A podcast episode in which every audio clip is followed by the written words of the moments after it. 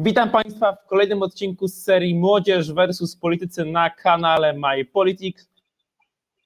Z tej strony Mikołaj Dowejko i witam moich szanownych gości, którymi dzisiaj są pan poseł Michał Gramatyka z Polski 2050 Szymona Hołowni.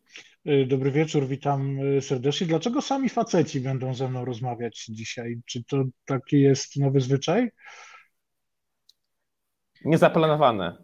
To nie było mm. zaplanowane, panie pośle. Mm. Jest to autonomiczny wybór organizacji młodzieżowych i warto to zaznaczyć na początku i rozjaśnić wszelkie wątpliwości naszym widzom, którzy też czasami zadają takie pytania, jeżeli nie ma kobiet na, debatach z młodzieży versus politycy, jest to decyzja autonomiczna organizacji młodzieżowych, nie My Politics, ponieważ My Politics zostawia organizacjom dowolność wyboru reprezentanta. Panie pośle, czy taka odpowiedź pana zadowala? Ale rzeczywiście ja tylko uważam, że po prostu powinien być parytet zachowany, tak jak na, na listach wyborczych, y, tak jak wszędzie. Ale oczywiście y, przyjmuję na klatę moją rozłożystą, y, że będę rozmawiał z stuprocentowymi mężczyznami.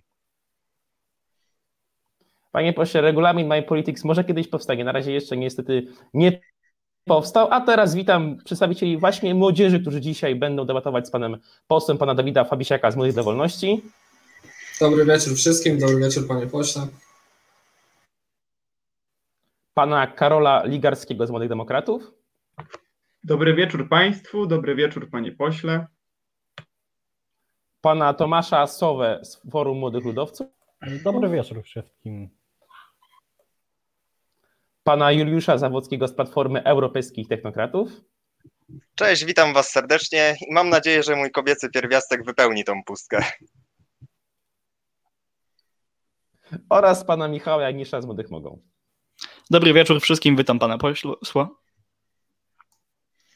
To jeszcze Panie raz dobry wieczór panu. Pośle, na początek Panie pośle, na początek pytanie względem ostatniego posiedzenia Sejmu, gdzie pani marszałek Witek y, powiedzmy dokonała reasumpcji, jakkolwiek to nazwiemy. Pan z wykształcenia jest y, prawnikiem.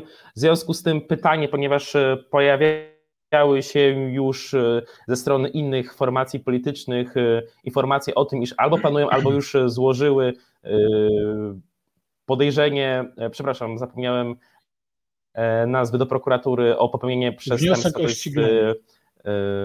Wniosek, wniosek, tak, e, zgubiłem słowo. I czy, czy, czy Polska 2050 również planuje złożyć e, takowy? A drugie pytanie, ponieważ nie wiem, czy wypowiadał się Pan jeszcze szeroko na ten temat w sferze publicznej, o powodach pańskiego przejścia z Platformy Obywatelskiej do Polski 2050. Tak więc na początek dwa takie rozgrzewkowe pytania i bardzo proszę o odpowiedź. E, no tak, pani marszałek Witek e, po pierwsze oszukała wszystkich, e, którzy byli na sali plenarnej Sejmu, dlatego że opowiadała rzeczy, które no, nie mają pokrycia w rzeczywistości. Mówiła, że konsultowała się z pięcioma prawnikami w rzeczywistości sięgnęła po jakieś stare opinie, które nie dotyczyły tej konkretnej sprawy. Mm, po drugie, ogłosiła reasumpcję głosowania w, w sytuacji, w której brak było ustawowych przesłanek do, do tej reasumpcji głosowania. No i w ten sposób wypaczyła wynik tego głosowania. Pani marszałek Witek powinna była przerwać obrady Sejmu do 2 września do godziny 10, po tym jak y, wniosek o odroczenie obrad Sejmu złożony przez y, pana przewodniczącego Kośniaka-Kamysza y, uzyskał większość w Sejmie. Nie zrobiła tego. W mojej ocenie wszystkie kolejne głosowania y, są dotknięte mm, błędem, no a mój wniosek o ściganie, moje zawiadomienie o popełnieniu przestępstwa będzie gotowe na środę, pracuję nad nim, nie spieszę się, prawo nie znosi y, pośpiechu, ale z tego co wiem, to z grona parlamentarzystów y, Polski 2050 pan poseł Tomasz Zimoch podobne zawiadomienie już e, złożył. Także tych zawiadomień jest kilka, one są składane przez różnych posłów, przez posłanki i posłów różnych ugrupowań. E, miejmy nadzieję, że te, zawi te zawiadomienia doczekają się rozpoznania przez polską prokuraturę i że tej sprawie, mówiąc obrazowo, nie zostanie ukręcony łeb. A co do mojego przejścia z Koalicji Obywatelskiej do ugrupowania Szymona Hołowni, no to była bardzo dobra decyzja. Ja się trochę czuję tak jak żeglarz, ja jestem żeglarzem, pływam od czasu do czasu. 17 września okrętuję się na Zawisze Czarnego i płynę do Amsterdamu na przykład. Mm, żeglarz potrzebuje silnego wiatru, żeby cokolwiek zrobić i ja ten wiatr dziś w szaglach czuję, więc jestem bardziej niż zadowolony z tej decyzji. To było najlepsze, co mogłem zrobić w czasie swojej tak zwanej kariery politycznej. Dziękuję bardzo za odpowiedź, panie pośle, i przechodzimy do pytań przedstawicieli młodzieży. Jako pierwsze pytanie zada pan Karol Ligarski z Młodych Demokratów. Bardzo proszę. Panie pośle, chciałbym zadać panu pytanie o region mi, jak mam nadzieję panu bliski, o Śląsk. Działał pan poseł w przeszłości jako samorządowiec. Jak pan odnosi się do pomysłu nadania Śląskowi autonomii i czy popiera pan uznanie śląskiej gotki za pełnoprawny język? Czy większą autonomię powinny otrzymać wszystkie regiony Polski i powinniśmy dążyć do większej decentralizacji władzy? E, nie jestem e, zwolennikiem przyznawania któremukolwiek regionowi w Polsce autonomii. Autonomia województwa śląskiego, ta z lat dwudziestych, ta, którą o której możemy przeczytać w podręcznikach historii, była czymś na kształt karty przetargowej, e, dzięki której e, mieszkańcy tego regionu mieli w plebiscycie zagłosować za Polską. To było, była cała konstytucja wręcz województwa śląskiego. Województwo śląskie tak naprawdę w tamtych latach, w ubiegłym stuleciu, miało prawo do prowadzenia własnej polityki wewnętrznej, miało własny skarb, miało własny sejm, miało własną policję, E, ale to, to, to, to są jakieś historyczne rozwiązania, więc ja nie jestem zwolennikiem przyznawania autonomii Śląskowi, tym bardziej, że E, Śląsk e, nie pokrywa się historycznie z terenem województwa śląskiego, a części Śląska są w ogóle zlokalizowane poza granicami Polski, na przykład e, powiaty frydecki, frysztacki w Czechach, mm, albo niektóre, nie, niektóre, niektóre inne ziemie, w tym na, na Słowacji. Natomiast męczy mnie i uwiera, że polskie prawo i polski system prawny nie widzi Ślązaków E, i polski system prawny nie widzi śląskiej gotki, czyli języka mm, regionalnego, którym w dalszym ciągu posługuje się wiele y, osób y, mieszkających tutaj. Widzi język kaszubski i widzi narodowość kaszubską, a nie widzi języka śląskiego i nie widzi narodowości śląskiej. I dlatego kibicuję takim przedsięwzięciom, za jakimi stoją moi koledzy tutaj z regionu, na przykład Łukasz Kochut albo, albo Monika Rosa, albo Maciek Kopiec z Lewicy, takim przedsięwzięciom, gdzie zachęcają po prostu Ślązaków, żeby deklarowali właśnie narodowość śląską. Kiedy poznamy wyniki spisu powszechnego, dowiemy się, ile jest takich właśnie osób. E, kiedyś było ich, e, o ile dobrze pamiętam, e, kilkaset tysięcy przy poprzednim spisie powszechnym. Zobaczymy, jak to będzie wyglądało przy spisie, który aktualnie się toczy. Tak, język śląski istnieje, jest, ma on tam kilka odmian, jest skodyfikowany, są podręczniki do śląskiej gotki. Znam ludzi, którzy tym językiem się świetnie posługują, od choćby wspomniany już europoseł Łukasz Kochut. Dziękuję bardzo panie pośle. Jako następny pytanie zada pan Tomasz Sowa z Forum Młodych Ludowców. Bardzo proszę. Dzień dobry, mamy do pana pytanie. Jak pan wcześniej wspomniał, y, wydarzenie, które, które wydarzyły się w Sejmie 11 sierpnia, czyli powtórzenie głosowania, y, no, budziły poważne y, problemy sprawy prawnej. Czy nie obawia się pan, że coś podobnego może się wydarzyć po ewentualnych wyborach 2023? No ja chcę wierzyć, że e, żyję w państwie prawa i chcę wierzyć, że mieszkam, działam i żyję w państwie, które ma swoje niezależne instytucje powołane do przeprowadzania wyborów i do ogłaszania wyników tych wyborów. E, chcę wierzyć w niezawisłe sądy i w to, że wyniki wyborów zostaną potem potwierdzone stosownym orzeczeniem e, Sądu Najwyższego. I naprawdę mocno w to wierzę. Inaczej, gdyby było inaczej, no to nie moglibyśmy się nazywać demokracją, prawda? Także oczywiście tak, wierzę w to, że wybory będą uczciwe i że te wybory że te wybory wygramy, to znaczy wszystkie siły opozycyjne zdobędą łącznie więcej głosów niż tak zwana zjednoczona czy niezjednoczona prawica, czego sobie i Państwu życzę. Dziękuję bardzo nie ma na razie żadnych zgłoszonych adwocem, tak więc przechodzimy do pytania pana Michała Janisza z Młodych Mogą. Bardzo proszę. E, dziękuję za udzielenie głosu. W kole parlamentarnym Polski 2050 można zauważyć ludzi, którzy mają różne spojrzenia na gospodarkę. Myślę, że takie same podziały są w ruchu Polska 2050 oraz czego jestem pewien, bo byłem członkiem tej młodzieżówki, w pokoleniu 2050. E, jak pan myśli, czy w tak podzielonym środowisku, jeżeli chodzi o sprawy gospodarcze, będzie dało się stworzyć jeden spójny program gospodarczy, który jak nie zadowoli może wszystkich, bo tak się nie da, to zadowoli chociaż większość ruchu? No to gdzie pan sobie, panie Michale, poszedł z pokolenia 2050? Przecież to taka super ekipa i szkoda, że pan sobie od nas poszedł. Takich ludzi jak pan y, nam przecież potrzeba. Tak, oczywiście jestem przekonany, że mm, wypracujemy taki program, który pogodzi wszystkie wszystkie stanowiska osób, które są zaangażowane w ruch Polska 2050. Polska 2050 to jest w ogóle niesamowite towarzystwo, bardzo ciekawe. Tutaj e, obok e, aktywistki klimatycznej e, Kasi Jagiełło można spotkać generała Mirosława Różańskiego, wydaje się, i, i, i profesora Wojciecha Maksymowicza. Wydaje się, że wszystko te osoby różni, że wszystko je dzieli, a jednak siadają przy wspólnym stole i pracują nad e, wspólnymi projektami. To jest e, niesamowite, unikalne. Ta energia jest naprawdę unikalna w tym ugrupowaniu.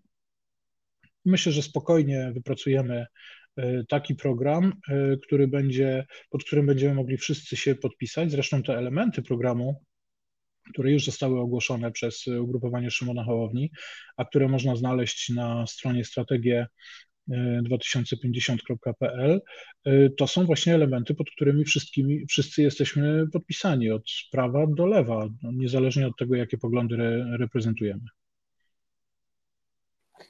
Dziękuję bardzo i mamy pierwszy adwocem od pana Michała Janisza. Bardzo proszę. Ja tylko krótko odpowiem na to, że z pokolenia 2050 przeszłem do liberalnej młodzieżówki Młodzi Mogą, natomiast zgodzę się z panem, że rzeczywiście jest tam dużo fajnych ludzi. Zresztą, z tego co wiem, jedna z takich osób jest pana asystentką. No, to jest moja bardzo świeża asystentka, dlatego że ona jest moją asystentką od niecałego tygodnia i na razie jedyna rozmowa, którą z nią e, odbyłem, to była właśnie rozmowa, w której e, poprosiła mnie, że, czy może zostać moją asystentką. Bardzo się cieszę, że Pan podziela moje zdanie co do ludzi w pokoleniu 2050. Gdyby Panu tam było źle, gdzie Pan jest, zapraszamy do nas. Naprawdę wszystkie ręce na pokład, jak mówią żeglarze. Możecie się panowie uśmiechać. na razie kropkę w rozmowie. Bardzo miły wieczór. Pana posła z panem Janiszem, natomiast ja y, chcę bardzo się dopytać o to, jakie pan reprezentuje sobą poglądy ekonomiczne. Nie musi być to konkretnie ścisłe określenie jakiejś, jakiejś doktryny ekonomicznej, natomiast y, ewentualnie zbiór postulatów, które by pan y, poparł, będąc na przykład częścią koalicji rządowej. Ja jestem dosyć liberalny w swoich poglądach gospodarczych. E, opowiadam się za oddaniu dużej części sterowania tym, co się wokół nas dzieje rynkowi, e, aczkolwiek oczywiście nie całej, no bo, bo, bo rynek nie może decydować o wszystkim. Uważam, że im mniej państwa w gospodarce, tym lepiej. E, uważam, że państwo nie powinno prowadzić biznesów, bo państwo zawsze robi to drożej niż właściciel prywatny. E, uważam, że płacimy e, zbyt wysokie, e, zbyt wysokie podatki i te podatki w dalszym ciągu są zwiększane, pojawiają się kolejne obciążenia podatkowe. Nazywa się je dla niepoznaki daninami albo, albo w jakiś inny, inteligentny sposób usiłuje się przekonać ludzi, że, że to nie są podatki, tylko jakieś tam inne opłaty to taki, taki, taki elementarz. No, blisko mi do, do pana senatora, pana senatora Burego, na przykład z, z, z poglądami ekonomicznymi. Dziękuję bardzo i przechodzimy do kolejnego pytania pana Juliusza Zawodskiego, który ma chyba pewne problemy techniczne z kamerą, ale miejmy nadzieję, że nas słyszy. E, tak, słyszę, są pewne techniczne problemy tutaj z Windowsem. E, ja chciałem zadać tak tutaj konkretne pytania, które interesują zwłaszcza młodych ludzi, dlatego że jak były wymieniane na różnych grupkach, na Facebooku, e, gdzie się toczą debaty, kwestie, które są dość istotne i są do zrealizowania. Oczywiście ludzie się kłócą o gospodarkę, o jakieś konkrety dotyczące między innymi wysokości podatków, ale jedną z takich e, rzeczy wspólnych de facto e, są kwestie, znaczy różne spojrzenie jest, ale bardzo interesujące są tak, kwestie światopoglądowe, czyli ta kwestia aborcji, związków partnerskich, małżeństw tej samej płci oraz e, też taka kwestia jak chociażby legalizacja konopi, gdzie już widzimy, że na całym świecie e, poszczególne stany w USA i poszczególne kraje już zaczynają luzować swoje przepisy i zmierzają już właściwie coraz bardziej do legalizacji, także rekreacyjnej, rekreacyjnych konopi. I tak chciałem zapytać, e, jakby pan głosował w tych czterech, pięciu kwestiach, czyli gdyby przyszło głosować nad tematem, nad kwestią aborcji, małżeństw tej samej płci, związków partnerskich i kwestii konopi. To jakby, jakby pan jak część ruchu by głosowali. E, za ruch nie chcę, e, nie chcę odpowiadać, dlatego że w tych, e, w tych kwestiach światopoglądowych pewnie, podobnie zresztą jak na przykład w Koalicji Obywatelskiej, żadne dyscypliny w głosowaniu nie będą ustanawiane. Oczywiście jestem zwolennikiem związków partnerskich. Uważam, że związki partnerskie powinny być w polskim systemie prawnym uregulowane. Nie wiem, czy jako społeczeństwo dojrzeliśmy do, do zalegalizowania małżeństw tej samej płci. Nie wiem, czy E, czy nie byłoby to zbyt dużym szokiem, gdyby taki postulat nagle został zaimplementowany do polskiego systemu prawnego? Jeżeli chodzi o kwestie e, miękkich narkotyków czy, czy, czy rekreacyjnych konopi, e, no, chyba powinienem wcześniej zobaczyć y, ustawę, żeby, żeby wiedzieć na, na, na jaki temat się wypowiada, dlatego że ta ustawa no, pewnie może mieć różnego rodzaju niuanse, y, które zadecydują, które spowodują jak gdyby mm, zbudowanie we mnie decyzji, czy, czy, czy za, czy przeciw.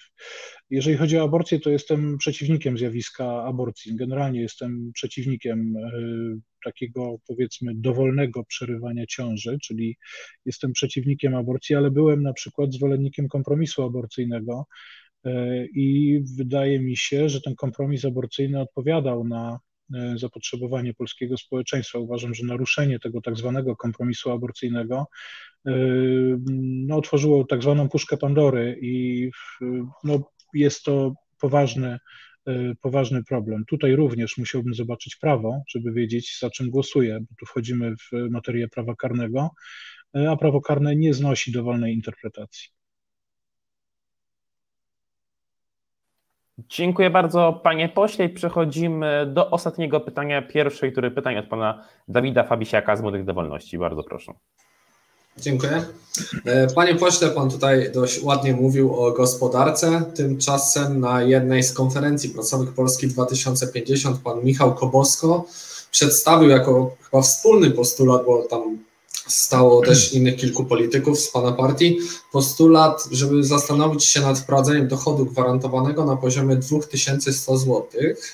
I w żadnych ani najbogatszych, ani jakichś najbardziej socjalnych państwach nie ma takiego dochodu i stąd moje pytanie, skąd w ogóle pomysł na to i skąd pomysł, że Polska w ogóle byłaby w stanie budżetowo utrzymać coś takiego? A wie pan, to y, po pierwsze dobrym pomysłem byłoby i tutaj jak gdyby y, do, do, do, do My Politics y, postulat zaprosić Michała Koboskę do waszego spotkania, bo to jest niezwykle ciekawy człowiek, mający bardzo dużo do powiedzenia. Po drugie, e, ta propozycja tak zwanego UBI, czyli tego Universal Basic Income, e, ona padła w kontekście, zdaje się, górników, prawda, którzy byliby przebranżawiani i Michał Kobosko postawił taką tezę, że może zamiast finansować, zamiast dokładać do tego górnictwa, bardziej opłacałoby się nam wszystkim, gdyby dla restrukturyzowanych górników właśnie taki uniwersalny dochód podstawowy uchwalić. Y, to był pomysł rzucony ad hoc, y, to był pomysł rzucony, to, to, to, to była tak naprawdę jakaś duża idea, ale sama idea uniwersalnego dochodu podstawowego jest niezwykle ciekawa i czytałem kilka y, opracowań na ten temat, a czytałem zainspirowany przez mojego syna Janka, 17-letniego dzisiaj, którego z tego miejsca bardzo serdecznie pozdrawiam i który był fanem niejakiego Andrew Younga w amerykańskiej kampanii prezydenckiej. Nie wiem, czy panowie wiecie, pewnie tak, bo, bo ten, ten, ten słynny Andrew Young zgromadził wokół siebie no, rzeszę młodych ludzi, oni zresztą sami siebie nazywali Young Gang. Jednym z jego kluczowych postulatów był właśnie uniwersalny dochód podstawowy, Mm, w, na terenie Stanów Zjednoczonych. On zupełnie poważnie o tym, o tym mówił i zupełnie poważnie udowadniał, że, e, że to ma sens. No i opracowania naukowe, które można w Polsce i nie tylko w Polsce przeczytać na temat uniwersalnego dochodu podstawowego, one niosą ze sobą szereg pozytywnych elementów takiego rozwiązania.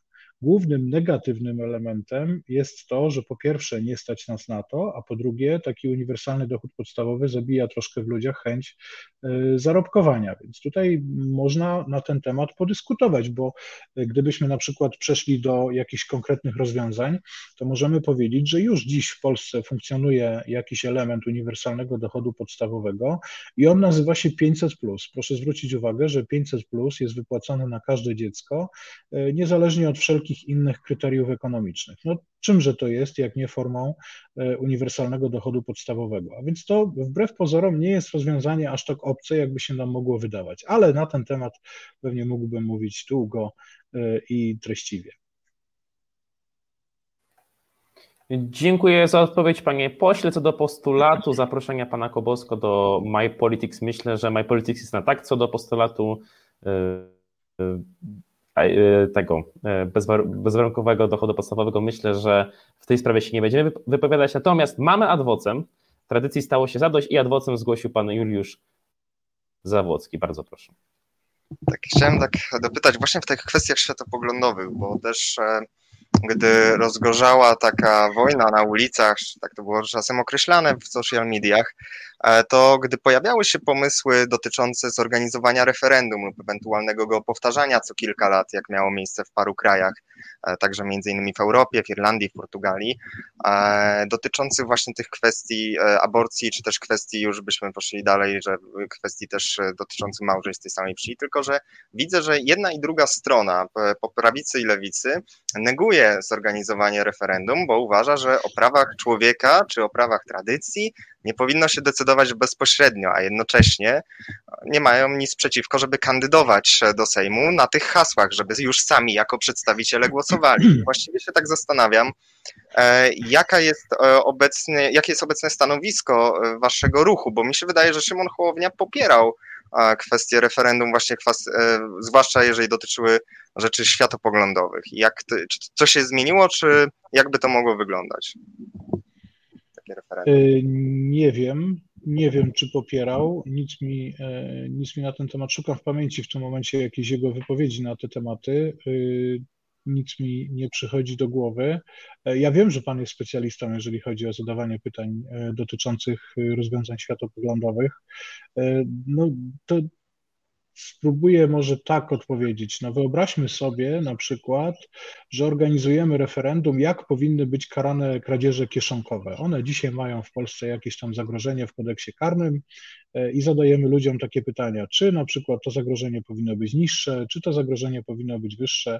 Trochę to absurdalnie brzmi, prawda? To są wszystko takie tematy dotyczące prawa karnego, które, tak jak powiedziałem, powinny być bardzo precyzyjne e, i których nie można chyba oceniać na emocjach. E, I to chyba nie jest dobre e, rozwiązanie, żeby o takich sprawach decydować w referendum. Tak przynajmniej mnie się wydaje. I takie jest y, moje prywatne zdanie. Ale w momencie, kiedy rozgorzała, może nie wojna, ale kiedy wyszły kobiety na ulicę bronić swoich praw, to ja stałem pomiędzy nimi. Pomimo tego, co powiedziałem Wam, że jestem przeciwnikiem aborcji, to byłem na demonstracji w Tychach, która zgromadziła kilkanaście chyba tysięcy osób y, i to było największe zgromadzenie, jakie pamiętam w moim rodzinnym mieście.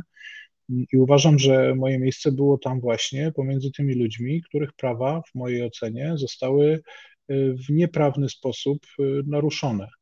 Y, I tak, w każdej sytuacji, w której uznam, że ktoś narusza prawa pań, no, będę stał z nimi, będę szedł z nimi, niezależnie od tego, jaki mam światopogląd. Dziękuję bardzo. O, I tutaj stawiamy kropkę w pierwszej turze pytań. Tak, pan Juliusz jest już widoczny dla nas wszystkich i rozpocznę drugą turę pytań od pytania własnego. Słuchając dzisiaj pańskich wypowiedzi, czy to względem gospodarki, czy to względem, e, względem propozycji światopoglądowych, nasunęła mi się taka definicja jak konserwatywny liberał. Czy byłby Pan w stanie określić się jako konserwatywny liberał, czy ma Pan inne określenie ogólnie swoich poglądów?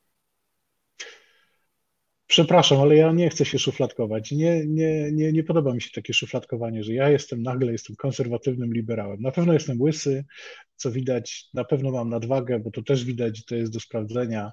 E, o, mam niebieskie oczy, to, to, jest, y, to, to, to są cechy, które mogą mnie opisywać. No, moje poglądy, no pytacie mnie o moje poglądy, no to odpowiadam wam zgodnie z prawdą i zgodnie z najlepszymi, e, z najlepszymi intencjami. Jeżeli e, chce pan mnie nazywać konserwatywnym liberałem, bardzo proszę, ani się o to nie obrażę, ani nie poczytam tego za, za komplement. Bardzo dziękuję panu Juliuszowi za link y, dotyczący E, dotyczący tego referendum. Zapoznam się, przedyskutuję, zapytam e, Szymona, e, jak sobie wyobraża realizację tego pomysłu. Bardzo dziękuję. I tą krótką rozgrywką rozpoczynamy drugą turę pytań, które jako pierwszy z przedstawicieli młodzieży pytanie zada pan Juliusz Zawocki. Bardzo proszę. Tak, ja tylko może przytoczę końcówkę. Powinniśmy powrócić do stanu z 93 roku w trybie awaryjnym. Ponadto należy już dziś rozpocząć obywatelski panel dyskusyjny w oparciu o instytucję i wiedzę międzynarodową, w którym zostaną napisane pytania do referendum i następnie przeprowadzić referendum, którego wynik będzie dla nas wszystkich wiążący. To jest z Rzeczpospolitej. Tam link wysłałem, to było stanowisko e, Szymona Hałowni.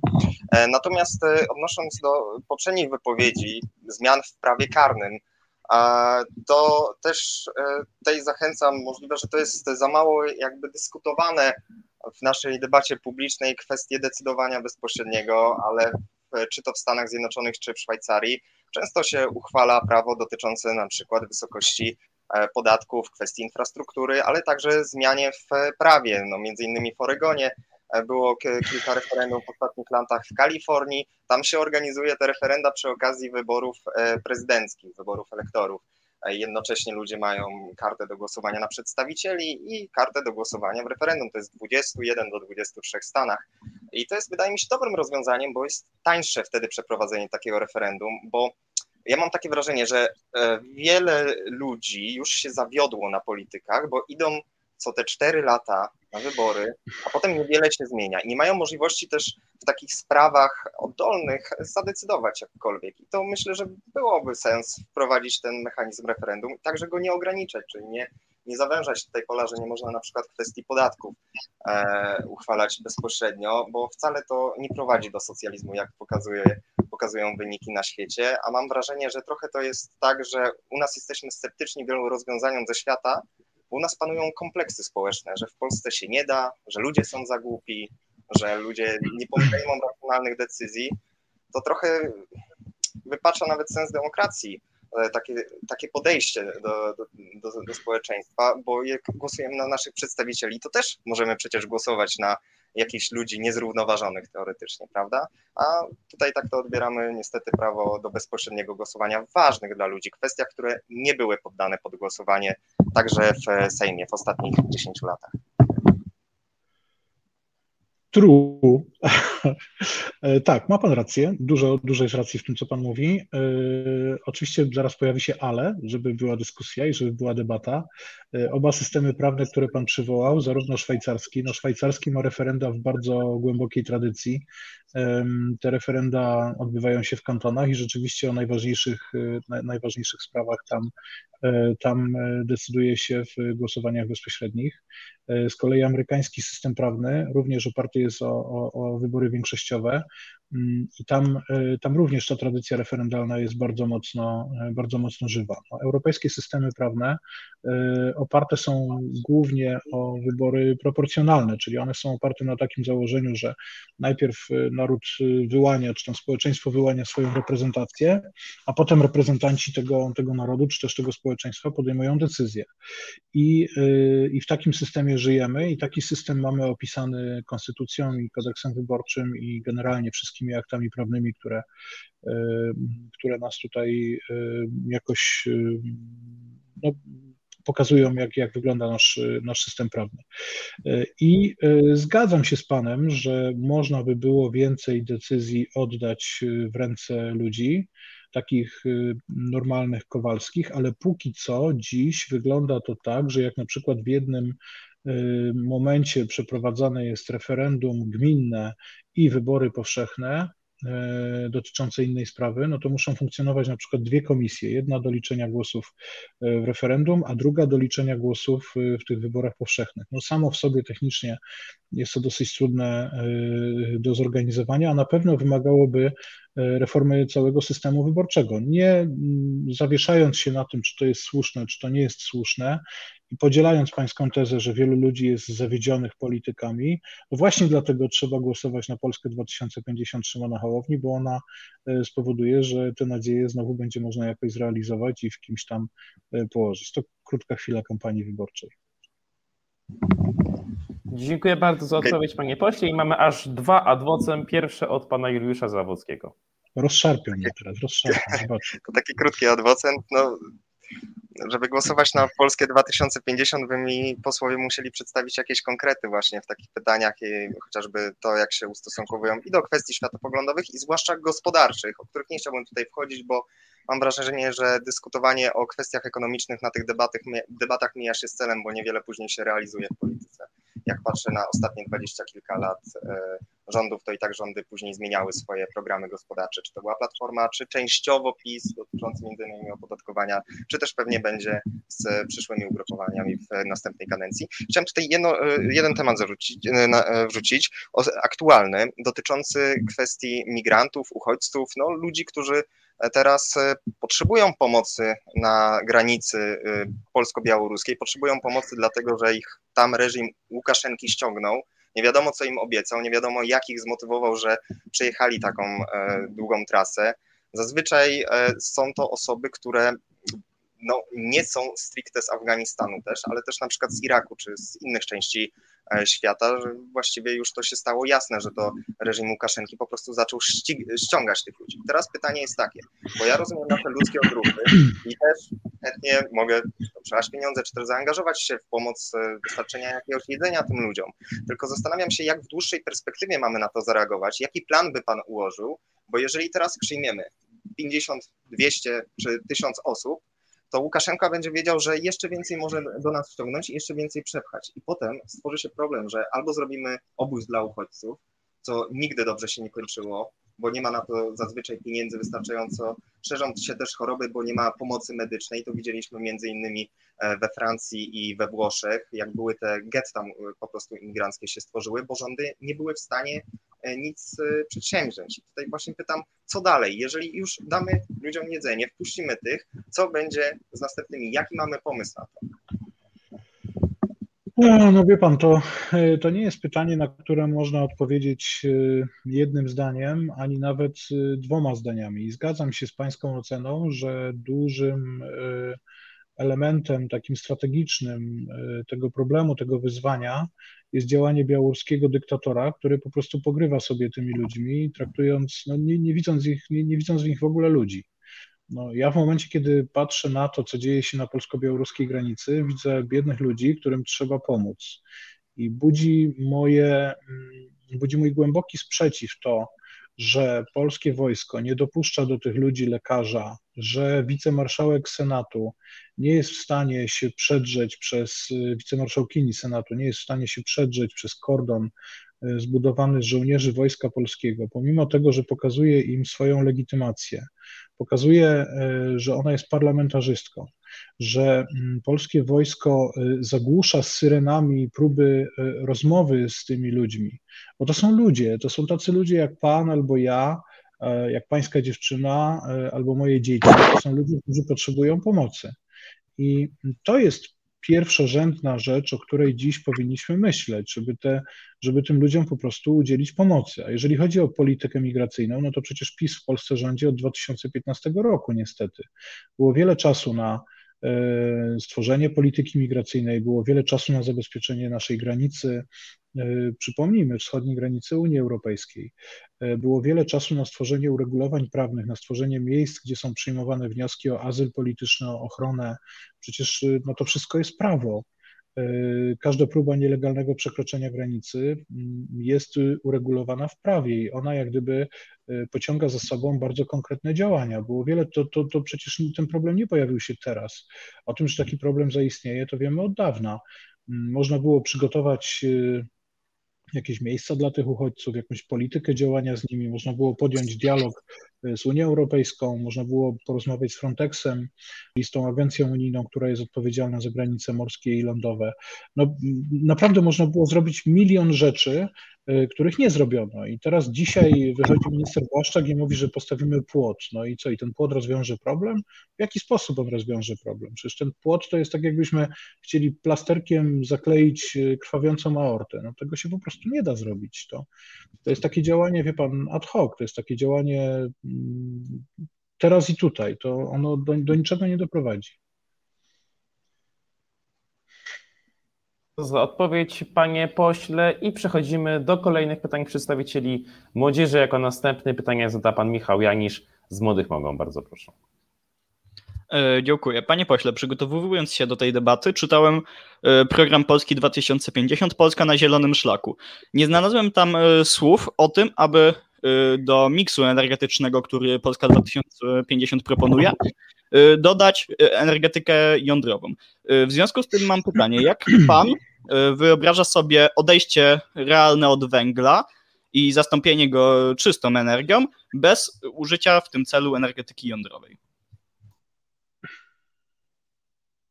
No, parę lat przepracowałem w firmie energetycznej, bo jak pan zapewne e, przestudiował moje CV, pracowałem w dużej korporacji energetycznej, która nazywa się Enea. Kilka lat spędziłem w Poznaniu, właśnie pracując dla, dla tej spółki energetycznej. Energetyka jądrowa jest oczywiście, no, jest, y, daje relatywnie czystą energię. Y, gorzej z tym, że potem coś trzeba zrobić y, z wykorzystanym paliwem. No, gorzej również z tym, że to nie jest tak hop wybudować elektrownię jądrową. No, trzeba znaleźć lokalizację, trzeba mieć technologię, PiS dosyć mocno gra elektrowniami jądrowymi. Nie wiem, czy pamiętacie, jak y, prezydent Duda po jednym ze spotkań z Donaldem Trumpem czy z Mike'em Pompeo mm, na konferencji prasowej powiedział, że nie jedna, ale kilka elektrowni jądrowych w Polsce powstanie i że już y, technologia jest tak naprawdę wybrana i że y, będziemy decydować o lokalizacjach. Mm, potem jakieś chore pomysły dotyczące elektrowni jądrowej, która jest w obwodzie kaliningradzkim, to wszystko nie jest proste. To wszystko wymaga głębokiego przemyślenia. Elektrownia jądrowa nie powstanie też w ciągu kilku lat, nie powstanie nawet w ciągu e, kilkunastu lat, chociaż bardziej w ciągu kilkunastu, mm, a e, niż, niż kilku. Przepraszam, że tak zerkam, ale staram się czytać to, co do mnie piszecie, a konkretnie pan Juliusz, który tutaj próbuje zdominować naszą dyskusję. Więc y, tak, oczywiście jestem za tym, żeby jak najmniej y, w miksie energetycznym y, było węgla, było w ogóle źródeł kopalnych. Mitem jest oczywiście oparcie całej energetyki na źródłach odnawialnych, bo tego się po prostu nie da zrobić, dlatego że te, te, te, te źródła odnawialne nie zapewniają stabilności całego systemu i coś musi jak gdyby leżeć u, u podstaw stabilności tego systemu energetycznego. E, na pewno e, nie jest to temat dla polityków, na pewno jest to temat dla ekspertów i na pewno te decyzje muszą być bardzo głęboko przemyślane, nie mogą być w mojej ocenie elementem kampanii wyborczej, bo to są decyzje dotyczące przyszłości naszej gospodarki, przyszłości każdego z nas. To są decyzje, które mają bardzo duży wpływ na, na klimat, generalnie na klimat światowy. To tyle, jeżeli chodzi o, o, o energetykę jądrową. Myślę, że wystarczy, prawda? Prawda. Chyba wystarczy, skoro nie widzę chęć adwocem, tak, tak więc jest krótkie potwierdzenie, natomiast przechodzimy już do kolejnego pytania, tym razem od Dawida Fabisiaka z Młodej Dolności. Bardzo proszę. Dziękuję. Panie pośle, całą retorykę taką Polski 2050 budujecie na takim kompromisie, braku jakichś konfliktów z żadnymi grupami społecznymi albo na tym już takim legendarnym wręcz dialogu Szymona Hołowni. I w przyszłym rządzie tak naprawdę nie do końca wiadomo, która partia będzie rządzić, raczej która koalicja, bo raczej sama nie ma żadna partia szansy. No i teraz jest moje pytanie, gdyby Polska 2050 miała mieć jakiś realny wpływ na władzę, to w jaki sposób Państwo chcecie przeprowadzać jakieś duże reformy bądź zmiany w państwie, skoro dotychczasowa cała polityka jest oparta na tym właśnie takim kompromisie i dialogu ze wszystkimi i czy to po części nie robi z Państwa partii takich zakładników własnej polityki? To jest, wie pan, taki zabieg logiczny, to co pan stosuje. Zresztą bardzo pan mrocznie wygląda w, w, tym, w tym swoim otoczeniu. Od razu mi się pan kojarzy e, z muzyką Behemota albo z jakimś tam gotyckim rokiem. Tak sobie wyobrażam, że gdzieś tam w tle coś, coś takiego gra. Mm, ja uważam, że e, da się reformować kraj w oparciu o dialog. Da się wypracowywać pewne rozwiązania, mm, słuchać społeczeństwa i tak, bardzo się cieszę z tego, że Polska 2050 pyta ludzi, o zdanie. E, przeprowadzamy stale ankiety na naszych spotkaniach w różnych częściach Polski w ramach akcji Poznajmy się. E, w tych ankietach pytamy ludzi głównie o to, co chcieliby zmienić e, w swojej okolicy bezpośredniej, ale to jest bardzo takie w mojej ocenie mądre działanie, bo to pozwala nam poznać potrzeby tych wszystkich ty, ty, ty, tych wszystkich ludzi. I to, I to pewnie będziemy robić, będziemy robić dalej. Nie planowałbym dzisiaj koalicji, które będą rządzić Polską, bo najpierw trzeba wygrać wybory. Dzisiaj, dzisiaj mamy mało danych co do tego, jak te wybory będą w ogóle wyglądać. Na przykład istnieje całkiem spore zagrożenie, że najbliższe wybory parlamentarne będą się odbywały pod rządami innej ordynacji niż ta, która obecnie obowiązuje. No, tam zdaje się, że kolega poseł Kukis bardzo mocno promuje jakieś elementy ordynacji większościowej. I, no i na przykład niektórzy mówią, że to była właśnie cena za, za jego słynne pomylone głosowanie. Więc zobaczymy, jak to w ogóle będzie. Zobaczymy, co przyniesie przyszłość. Więc najpierw wygrajmy wybory, najpierw przekonajmy ludzi, że warto głosować na nas, że warto głosować na ugrupowania demokratyczne, no a potem się zastanawiamy, jak będziemy rządzić. To, czego jestem pewien y, i czego, y, z czego jestem bardzo dumny w ogóle jako, jako element z tego dużego ruchu, który nazywa się Polska 2050, to to, że my mamy pomysł na to, co zrobimy w ciągu tych 100 dni po wyborach, że powstają kolejne elementy naszego programu, że y, za chwilę ujrzy światło dzienne nasz program gospodarczy, że za chwilę pokażemy nasz program edukacyjny, że gotowy jest program ekologiczny, że gotowy jest opis relacji, jakie powinny wiązać państwo z Kościołem, że e, gotowy jest e, nasz przepis na to, co zrobić, żeby przywrócić w Polsce ład konstytucyjny. E, to wszystko są elementy programowe, którymi my się szczycimy i które warto poczytać, które są w, na naszych stronach internetowych. Mm, no i tym my jesteśmy silni że u nas politykę się robi w oparciu o pracę ekspertów i wydyskutowanie po prostu pewnych tez y, programowych. I tak, to jest, y, to jest dobry, y, dobry pomysł na robienie polityki. Dziękuję bardzo, panie pośle. I jako kolejny głos zabierze pan Tomasz Sowa z Forum Młodych Ludowców. Bardzo proszę. Chciałbym pana zapytać o nastawienie do organizacji pozarządowych. Czy uważa pan, że powinno zwiększyć się ich udział w e, życiu publicznym i w debacie publicznej? One mają duży udział w e, debacie publicznej. No PiS im przykręca kurek z pieniędzmi i PiS jak gdyby promuje te organizacje pozarządowe, które, e, które są dla PiSu wygodne. To, to takie, takie zwyczaje moim zdaniem to, to są bardzo złe, złe zwyczaje. Powinny być po, powinny być y, y, bardzo jasne reguły przyznawania środków y, dla organizacji pozarządowych, powinny być, no, ten, ten, ten dialog jak gdyby nie powinien polegać na tym, że wykorzystując jakieś polityczne elementy będziemy eliminować niektóre organizacje pozarządowe, no, nie, nie przyznając im na przykład finansowania, a to w polskim systemie prawnym się dzieje.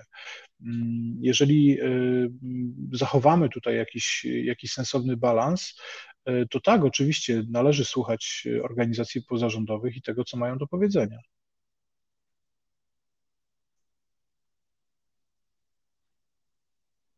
Panie pośle, i przed nami ostatnie pytanie naszej dzisiejszej debaty od pana Karola Ligarskiego z Młodych Demokratów. Bardzo proszę. E, panie pośle, wspomniał pan wcześniej, że ma pan nadzieję na to, że zjednoczona opozycja wygra wybory parlamentarne i jakby pan widział tą zjednoczoną opozycję? Czy zjednoczona opozycja powinna startować w jednym bloku, czy każda partia powinna e, startować oddzielnie, narażając się na to, że jedna z tych partii nie przekroczy progu wyborczego i należy też pamiętać o tym, że ordynacja wyborcza promuje tą partię, która uzyskuje najwięcej głosów.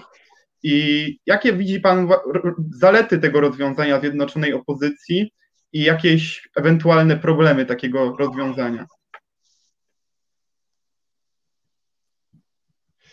no, mm, to jest taki święty gral y, wszystkich, y, którzy y, chcą przywrócenia w Polsce takiej pełnej demokracji.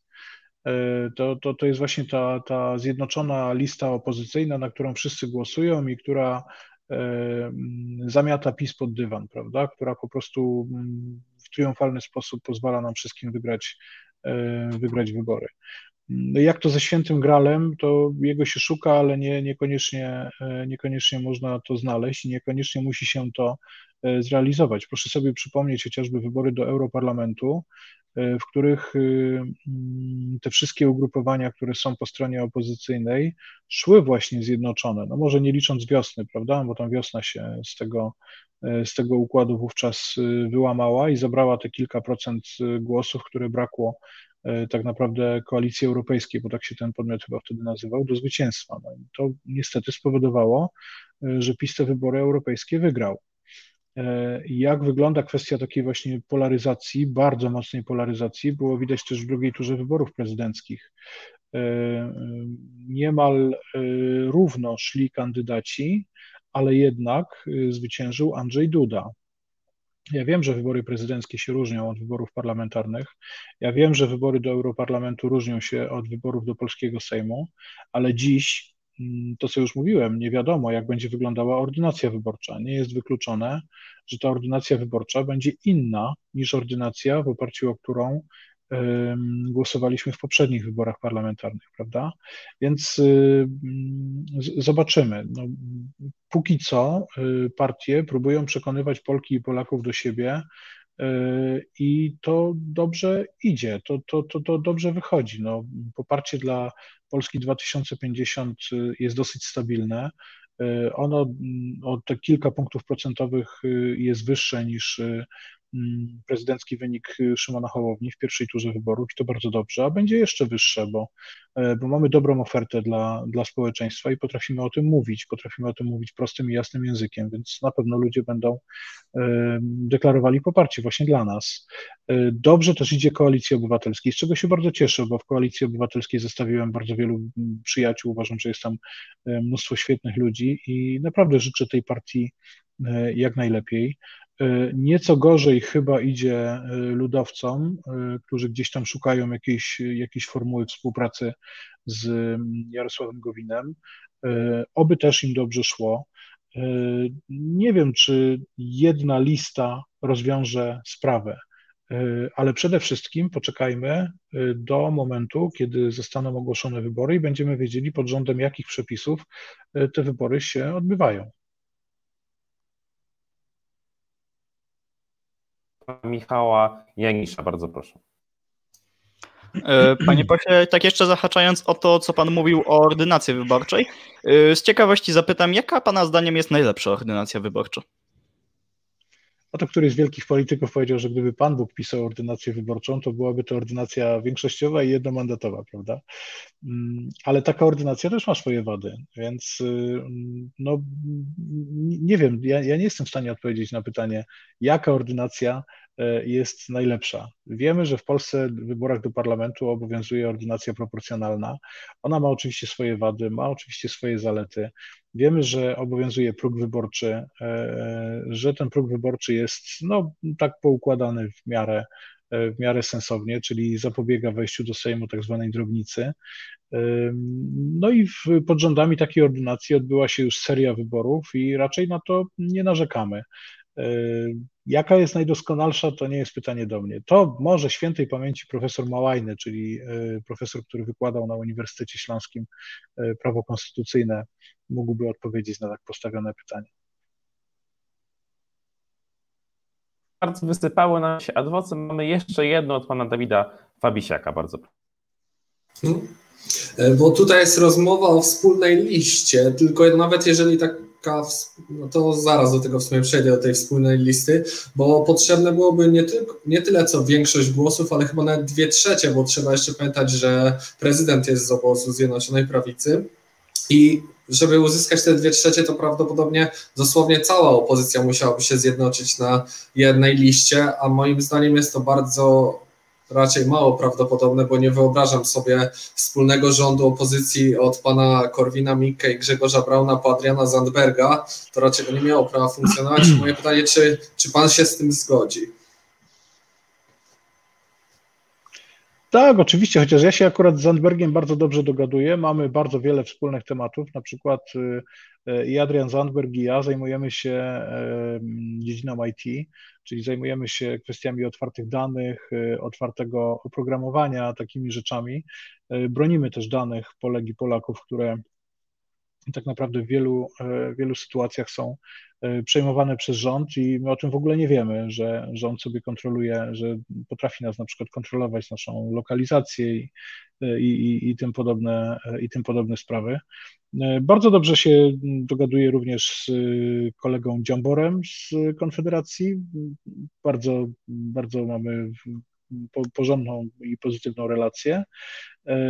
Natomiast y, to, ten, ten projekt, o którym Pan y, wspomniał, był rzucony przez kiedyś właśnie przez Koalicję Obywatelską.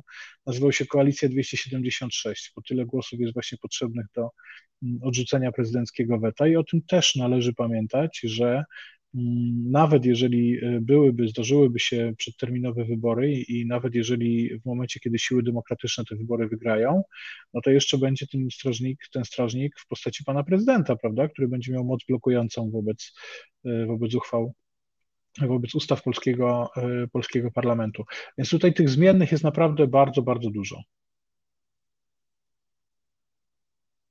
Dziękuję bardzo, panie pośle. Ja jeszcze na chwilę wyjdę poza formułę programu z jednym bardzo istotnym pytaniem, które zadał na czacie użytkownik Witojcie Ziomki, wyznając przy okazji mi miłość, w związku z tym nie mogę być obok tego obojętnie, a pytanie jest bardzo proste. Gramatyka 2025, czy to możliwe? Gramatyka, przepraszam? 2025. Chyba mowa o wyborach prezydenckich.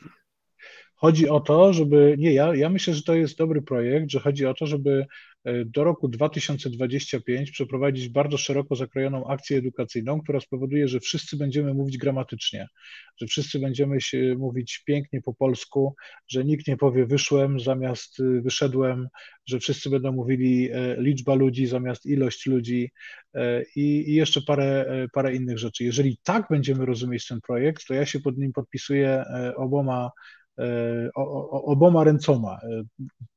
E, żartuję oczywiście, ale tak, tak, to, to, to, to ma sens. E, żaden inny te, tego typu projekt chyba nie za bardzo.